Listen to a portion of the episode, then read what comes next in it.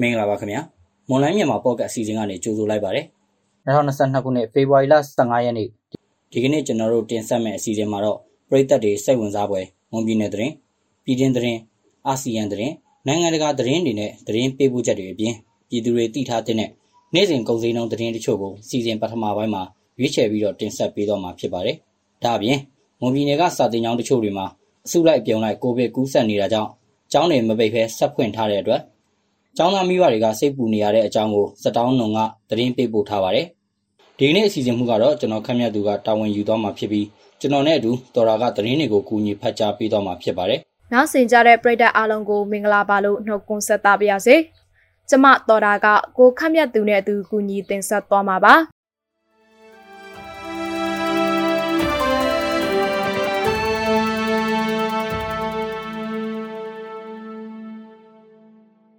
ဟုတ်ကဲ့ပါညီမကြီး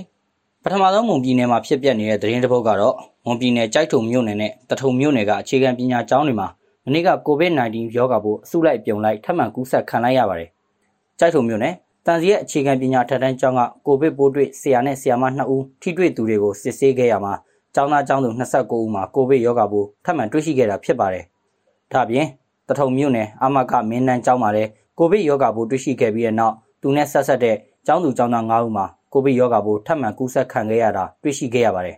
။မြို့နယ်ဆေးရုံမှာတော့ကိုဗစ်ရောဂါလူနာတွေများလာလို့မလိုအပ်ဘဲနဲ့ဆေးရုံမလာဖို့လူနာတွေသတင်းလာမေးတာတွေမပြုလုပ်ဖို့တိမ်စီရဲ့ဆေးရုံတာဝန်ရှိသူတွေကတားမြစ်ထားပါတယ်။ပြီးတော့ဒုတိယမြောက်သတင်းတစ်ပုဒ်အနေနဲ့ကတော့မွန်ပြည်နယ်မှာမီလင်းအခောက်ရွှေဈေးဟာဖေဖော်ဝါရီဒုတိယအပတ်ကစပြီးတကြက်သားကို16သိန်းနီးပါးထိပြန်လည်မြင့်တက်လာတယ်လို့မွန်ပြည်နယ်ရွှေလုပ်ငန်းရှင်တွေကပြောပါတယ်။ ပြီးခဲ့တဲ့ဒီဇင်ဘာဒုတိယမှာတကြက်သားကျပ်18သိန်းခွဲကျော်ရှိခဲ့တဲ့မီလင်းအခောက်ရွှေဈေးဟာဖေဖော်ဝါရီဒုတိယအပတ်မှာကျပ်19သိန်းနီးပါးထိတကြက်သားကိုကျပ်3သိန်းခွဲကျော်ထိပြန်လည်မြင့်တက်လာခဲ့တာပါရွှေစင်းနှောင်ဟာကမ္ဘာရွှေစင်းနဲ့ဒေါ်လာစင်းနှောင်ပြန်လည်မြင့်တက်လာတာပြင်ရုရှားယူကရိန်းနိုင်ငံစစ်ရေးတင်းမာနေတဲ့အခြေအနေကြောင့်ဈေးနှုန်းမြင့်တက်လာရတယ်လို့မိုမီနယ်ရွှေလုပ်ငန်းရှင်အသင်းတာဝန်ရှိသူတူကပြောပါတယ်။ဒါအပြင် ရုရှားယူကရိန်းနိုင်ငံစစ်ရေးတင်မာနေတဲ့အခြေအနေဆက်လက်ဖြစ်ပေါ်နေရင်ရွှေစည်းနှုန်းဟာလည်းဆက်လက်မြင့်တက်လာနိုင်တယ်လို့ရွှေလုပ်ငန်းရှင်တွေကသုံးသပ်ကြပါတယ်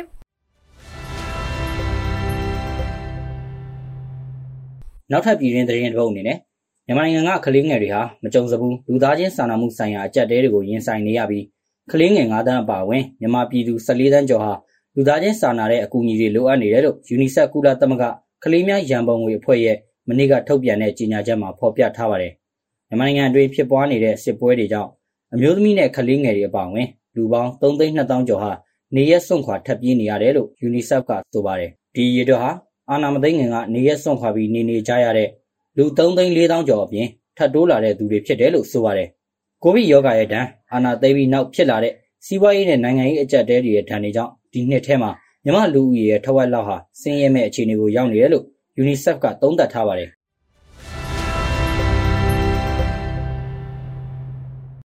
နောက်ထပ်အာဆီယံသတင်းတစ်ပုဒ်ကတော့ဖေဖော်ဝါရီလ3ရက်နေ့ကနေ14ရက်နေ့ထိအချိန်နှစ်ပတ်အတွင်းနေဆက်ကနေအထောက်ထားမဲ့ဝင်းရောက်လာသူတွေထဲကမြန်မာအလောက်သမား2000ကျော်ထိုင်းနိုင်ငံအတွင်းဖမ်းဆီးခံရတယ်လို့အလောက်သမားရေးဆောင်ရွက်သူတွေကပြောပါတယ်။ ဖေဖော်ဝါရီလဝက်အတွင်းမှာပဲထိုင်းနိုင်ငံပွဲစား18ဦးနဲ့မြန်မာရွှေ့ပြောင်းအလုပ်သမား2000ကျော်ဖမ်းဆီးခံရတယ်လို့ထိုင်းမြန်မာနယ်စပ်မဲဆောက်မြို့အခြေဆိုင်မြန်မာပြည်သားများရေးပူးတွဲလှုပ်ရှားမှုကော်မတီ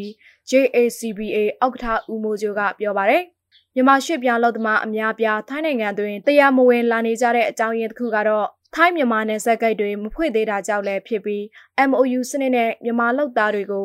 အမြန်ဆုံးပို့ဆောင်ပေးတဲ့တယ်လို့လည်းဦးမိုးကျိုးကဆိုပါတယ်။ထိုင်းဆိုရကသူ့နိုင်ငံစီးပွားရေးမှာလိုအပ်ချက်ရ MOU စနစ်နဲ့မြန်မာရွှေ့ပြောင်းလုပ်သမားတွေကိုခေါ်ယူမယ်လို့ပြောဆိုထားပေမဲ့အခုချိန်ထိမခေါ်သေးပါဘူး။ပြီးခဲ့တဲ့ဇန်နဝါရီလတုန်းကအထောက်ထားမဲ့ဝင်လာတဲ့မြန်မာရွှေ့ပြောင်းလုပ်သမား4000ကျော်ဖမ်းဆီးခံခဲ့ရတယ်လို့မနစ်ကလည်းနေဆက်ကနေတရားမဝင်ဝင်လာတဲ့မြန်မာအလုပ်သမား6000ကျော်ဖမ်းဆီးခံရတယ်လို့အလုပ်သမားရေးဆောင်ရွက်သူတွေကပြောပါတယ်။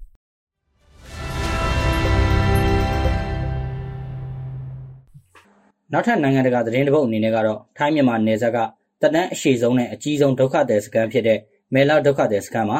ပြီးခဲ့တဲ့နှစ်လကဆန္ဒပြမှုတွေမှာဥဆောင်တယ်လို့ဆိုတဲ့ဒုက္ခသည်၈ယောက်ကိုဖေဖော်ဝါရီလ14ရက်နေ့ကထိုင်းအာဏာပိုင်တွေကဖမ်းဆီးခဲ့ပါတယ်။စခန်းတွင်နေထိုင်သူ2ဦးဆိုင်ငယ်စီးလာချိန်မှာနှာခေါင်းစည်းမတက်လို့စခန်းအုပ်ချုပ်ရေးမှုကဆိုင်ငယ်ပေါ်ကဆွဲချပြီး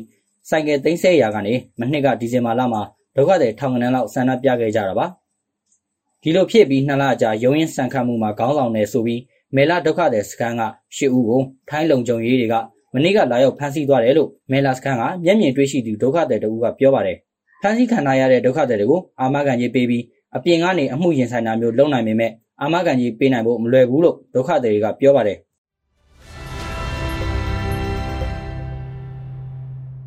ဂျပန်နိုင်ငံသားရေးဝန်ကြီးဟာမနေ့ကကမ္ဘောဒီးယားစစ်တပ်အကြီးအကဲ ဒုတိယဗိုလ်ချုပ်ကိုတိုကျိုမှာတွေ့ဆုံခဲ့ပါတယ်။အနှစ်80နီးပါးတနမန်ဆက်ဆံရေးထူထောင်ခဲ့တဲ့ဂျပန်နဲ့ကမ္ဘောဒီးယားနှစ်နိုင်ငံကြားဆက်ဆံရေးခိုင်ခိုင်မာမာရှိတဲ့အကြောင်းနဲ့မြန်မာနိုင်ငံအပါအဝင်နိုင်ငံတကာရေးကိစ္စတွေမှာအနီးကပ်ပူးပေါင်းဆောင်ရွက်နေတဲ့အကြောင်းဂျပန်နိုင်ငံသားရေးဝန်ချုပ်ကပြောဆိုသွားပါတယ်။ အင်ဒိုပစိဖိတ်ဒေသလွတ်လပ်စွာတွာလာနိုင်တဲ့ဒေသတစ်ခုဖြစ်ရေးကမ္ဘောဒီးယားဝန်ကြီးချုပ်ဟွန်ဆန်ရဲ့အခိုင်အမာထပ်တလဲလဲအာမခံထားချက်နဲ့ညွှန်ကြားချက်တွေတော့ကျေးဇူးတင်တဲ့အကြောင်းလဲဂျပန်နိုင်ငံသားရေးဝန်ကြီးကပြောဆိုပါတယ်။အင်ဒိုပစိဖိတ်ဒေသရင်းနဲ့ပိုင်ညှင်းပွားမှုတွေမှာတရုတ်နိုင်ငံဘက်ကသူ့ပိုင်အဖြစ်အခိုင်အမာပြောဆိုတာတွေတိုးလာနေတာကြောင့်တုတ်ပြန်ရေးတော့အမေရိကန်ပြည်ထောင်စုနဲ့ဒေသသွင်းနိုင်ငံတွေမကြာခဏဆွေးနွေးနေပါတယ်။ဒါအပြင်ကမ္ဘောဒီးယား အာဆီယံဥက္ကဋ္ဌဖြစ်လာပြီးနောက်မြန်မာရေးကိုကမ္ဘောဒီးယားကပြောဆိုလှုပ်ဆောင်တာတွေရှိလာပါတယ်။အဲ့ဒီချိန်မှာပဲကမ္ဘောဒီးယားဝန်ကြီးချုပ်ဟွန်ဆန်ရဲ့သားစစ်တပ်အကြီးအကဲဒုတိယဗိုလ်ချုပ်ကြီးနဲ့ဂျပန်နိုင်ငံသားရေးဝန်ကြီးတို့တွေ့ဆုံခဲ့တာပါ။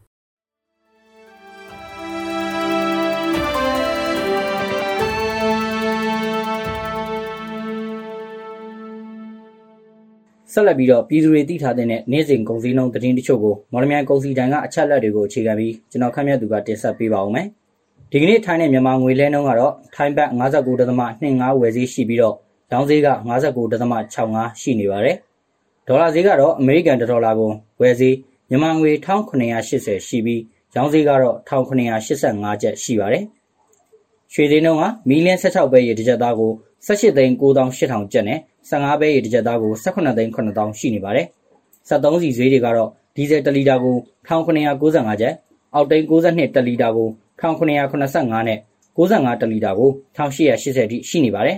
။ရာဘာဈေးနှုန်းမှာအကောင်းဆုံးကတော့နေလှမ်းလွတ်တစ်ပေါင်ကို1140ကျပ်ရှိနေပါတယ်။စံဈေးနှုန်းကတော့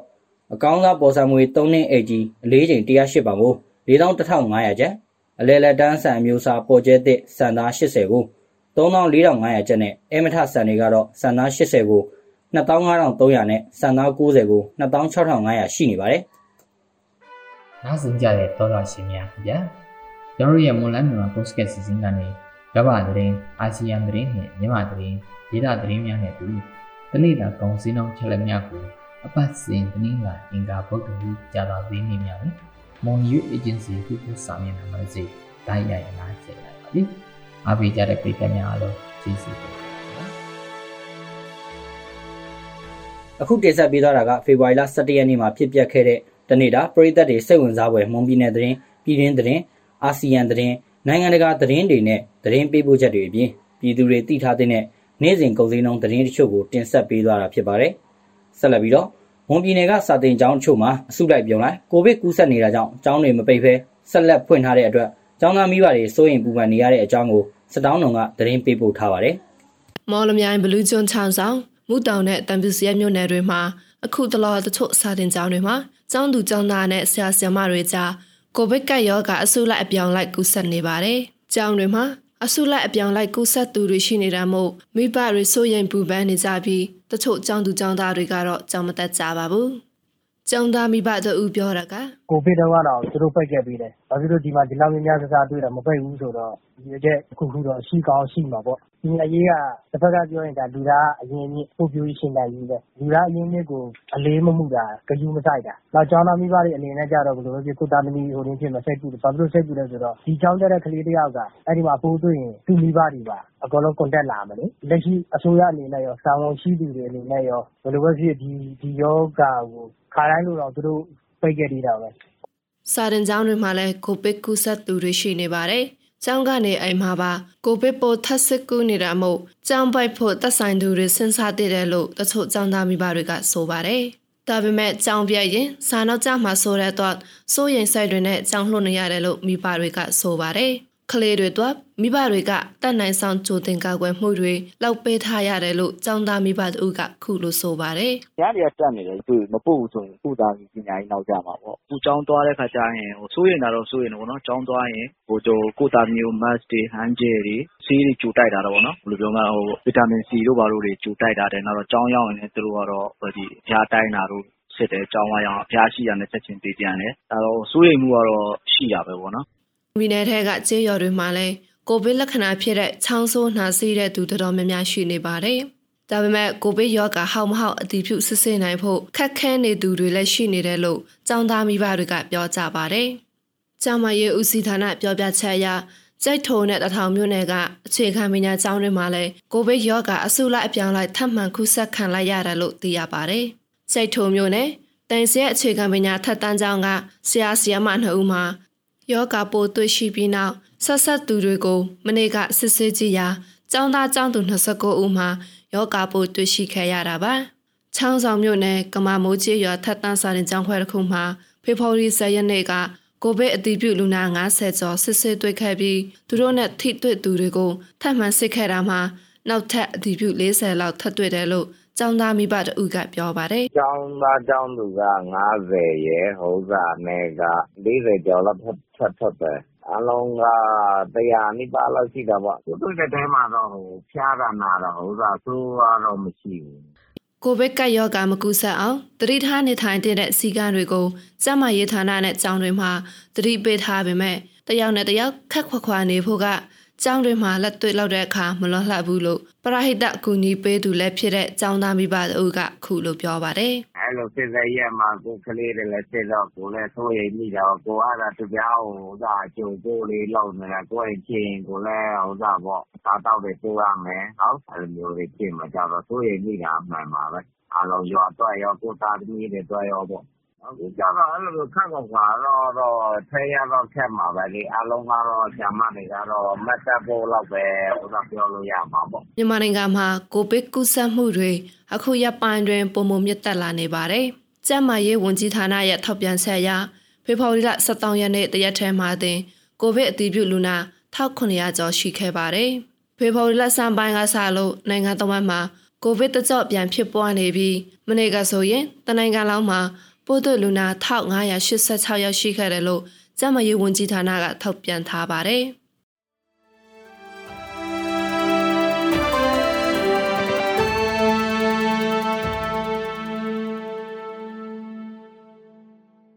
ကျမတို့ရဲ့မိုးလန်းမြန်မာ podcast စီစဉ်ဒီမှာတင်ပြီးဆုံးပါပြီ။နောက်ဆင်ကြတဲ့ပရိသတ်အားလုံးကိုနောက်နေ့စီစဉ်တွေမှာလည်းဆက်လက်အားပေးကြပါအောင်လို့ဖိတ်ခေါ်ရင်းစီစဉ်ကိုအဆုံးသတ်ပါရစေ။အားလုံးကိုကျေးဇူးတင်ပါတယ်ရှင်။